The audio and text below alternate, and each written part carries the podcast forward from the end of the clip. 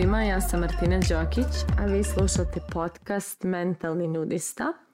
Nalazimo se u epizodi 29, tako je, i u ovoj epizodi malo ću vam pričati o tome kako su zapravo moje želje i moji ciljevi postali meni veći prioritet od tuđih mišljenja i ideja. I iako sam na ovoj temi radila, možemo reći godinama, sigurno, i pomjerala se i pravila korak po korak, nekako poslednjih mjeseci je to baš onako naleglo gdje treba, gdje se ja osjećam potpuno slobodno da živim sve svoje ciljeve sa ogromnom vjerom da mogu da ih ostvarim i potpuno na neki način odvojeno od toga da li se to nekom sviđa ili ne sviđa, da li će to neko da osuđuje i ta vrsta slobode je potpuno nešto novo što osjećam u svom životu i jako mi se dopada. I uh, hajde da počnem iz početka zato što ova moja priča postoji već godinama. Ja sam negdje kao um, student uh, shvatila da moram nešto da uradim drugačije zato što sam upisala fakultet koji ja smatram promašenom idejom. Mislim, naravno, sve se to posta integrisalo u moj život kao neka smislena stvar, ali ja sam studirala ekonomiju na kojoj se uopšte nisam pronalazila. I ideja mojih roditelja, odnosno moje majke konkretno, bila je da obavezno završim tu ekonomiju, pa će ona da me zaposli u fabrici duvane gdje ona radi. I ja ću da budem ekonomista sa pristojnom platom I evo svi koji me slušate i na osnovu svega što ste čuli do sada, zamislite mene kako radim kao ekonomista u fabrici duvana. Ono što ja u tim godinama početnim studentskim jesam znala jeste da ta ideja nije za mene, a ono što nisam znala je šta za mene jeste. Tako da jednu informaciju sam imala, a to je da taj put na kojem jesam apsolutno nije onaj put koji mene ispunjava i raduje – a koji je moj nisam imala pojma. I ne znam kako, uz malo tog nekog previranja, borbe, razočaravanja, patnje, rasprava, svađa i svega, ja sam došla do sledećeg zaključka. Jeli, prva, prva prepreka, prvi izazov mi je bio što ću razočarati roditelje, ali zaključak je bio sledeći. Ja mogu da se prisilim da završim taj fakultet i da počnem da radim to kao, na tom mjestu kako je moja majka zamislila i svoje najbolje namjere naravno. I kada se to tako desi, svi ćemo kao biti srećni 4-5 dana. I onda kada počne vrijeme da prolazi, ja ću polako ili sigurno da počnem da venem na tom svom radnom mjestu i tako nesrećna proizvršću to da i moji roditelji budu nesrećni jer gledaju mene jako nesrećno. I onda sam shvatila da je znači, taj put privremenog slušanja najbližih zapravo način da se obezbijedi samo neki kratkoročni prividni mir koji kad tad vodi u potpuno rasulo i nemir. A ako odlučim da rizikujem i počnem da tražim svoj put tako što ću da pratim neke svoje ideje i isprobavam dok mi nešto ne nalegne, možda ću provesti par godina u raspravama, nemiru, nerazumijevanju, otporima, svađama i svemu, ali jednom kada ja nađem svoj put, ja ću biti srećna, a samim tim će i moji roditelji biti srećni. I zapravo tako je to i bilo. Vjerujem da su oni veći dio, to je znam pouzdano, da su dobar, dobar dio godina vjerovali da sam ja potpuno izgubljen slučaj i da ne znam ni gdje sam pošla ni šta radim ali vremenom smo došli do toga da ja radim posao koji volim, da sam uspješna u njemu i da su i oni toga svjesni i da im je zbog toga drago. A onda je naravno kako je moj posao takav kakav je neki, ne mogu reći javan, ali dosta, dosta ima tog nekog istupanja i, i, i stajanja iza svojih ideja onako i pred drugima. To je isto za mene predstavljalo veliku prepreku i izazov da nekako ostvarim e, taj, tu potrebu da se sviđam svima, a nekako baš i nije bilo načina da se ta potreba ostvari. I u meni je postojala velika borba i veliki strah da istupim, da pokažem svoje mišljenja i stavove od, od straha od osude i to ne osude tako tamo nekih nepoznatih ljudi nego od straha da će me osuđivati neki ljudi koje poznajem a čime je mišljenje bilo bitno, iako čak i nisu možda bili čisto prisutni u mom životu, niti su možda ni bili relevantni za to što ja radim. I onda sam tu nekako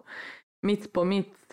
se mirila sa idejom da ja neću svima biti dobra, koliko god se trudila i da je to uzaludno trošenje energije.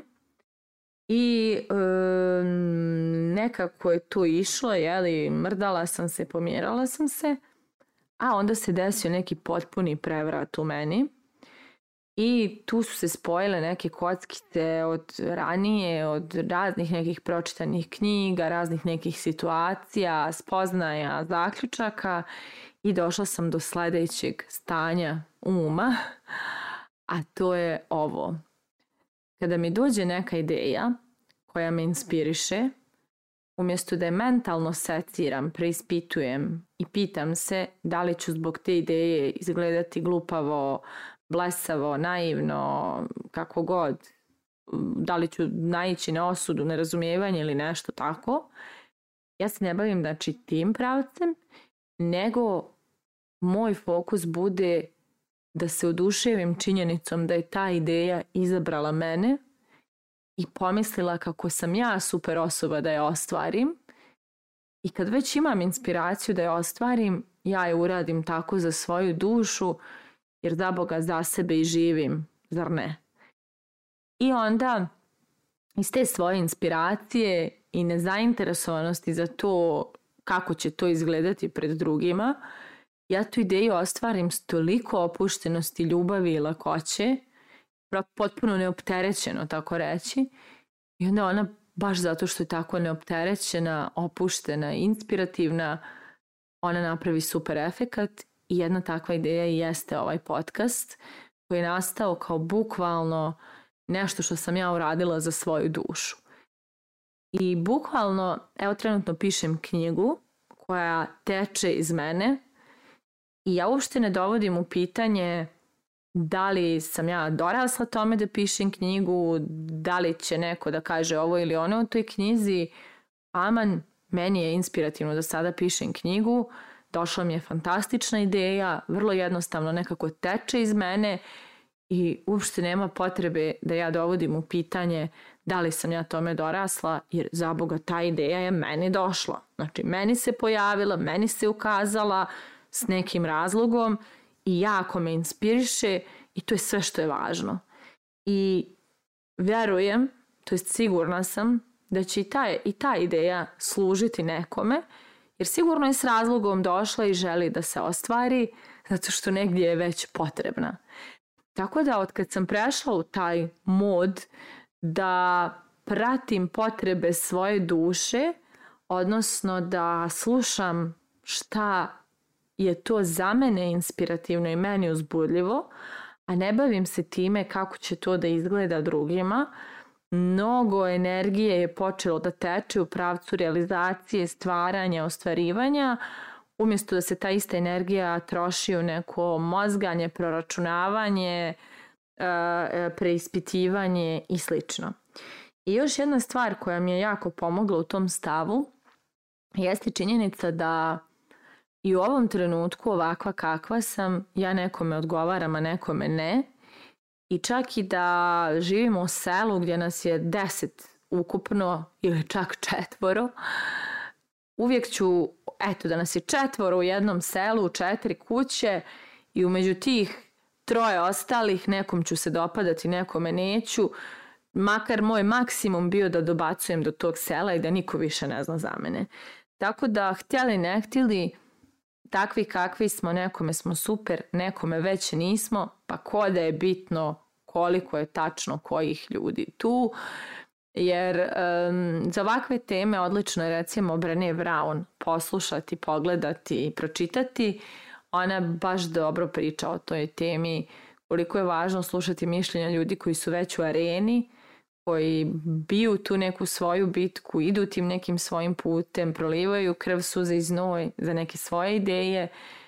a lako je stajati sa strane i osuđivati i, i pričati nešto o čemu ne znamo puno jer nismo istupili i nismo zagazili na svoje polje i svoju arenu. Tako da samo kad razgraničite u sebi taj moment koliko su mišljenja zapravo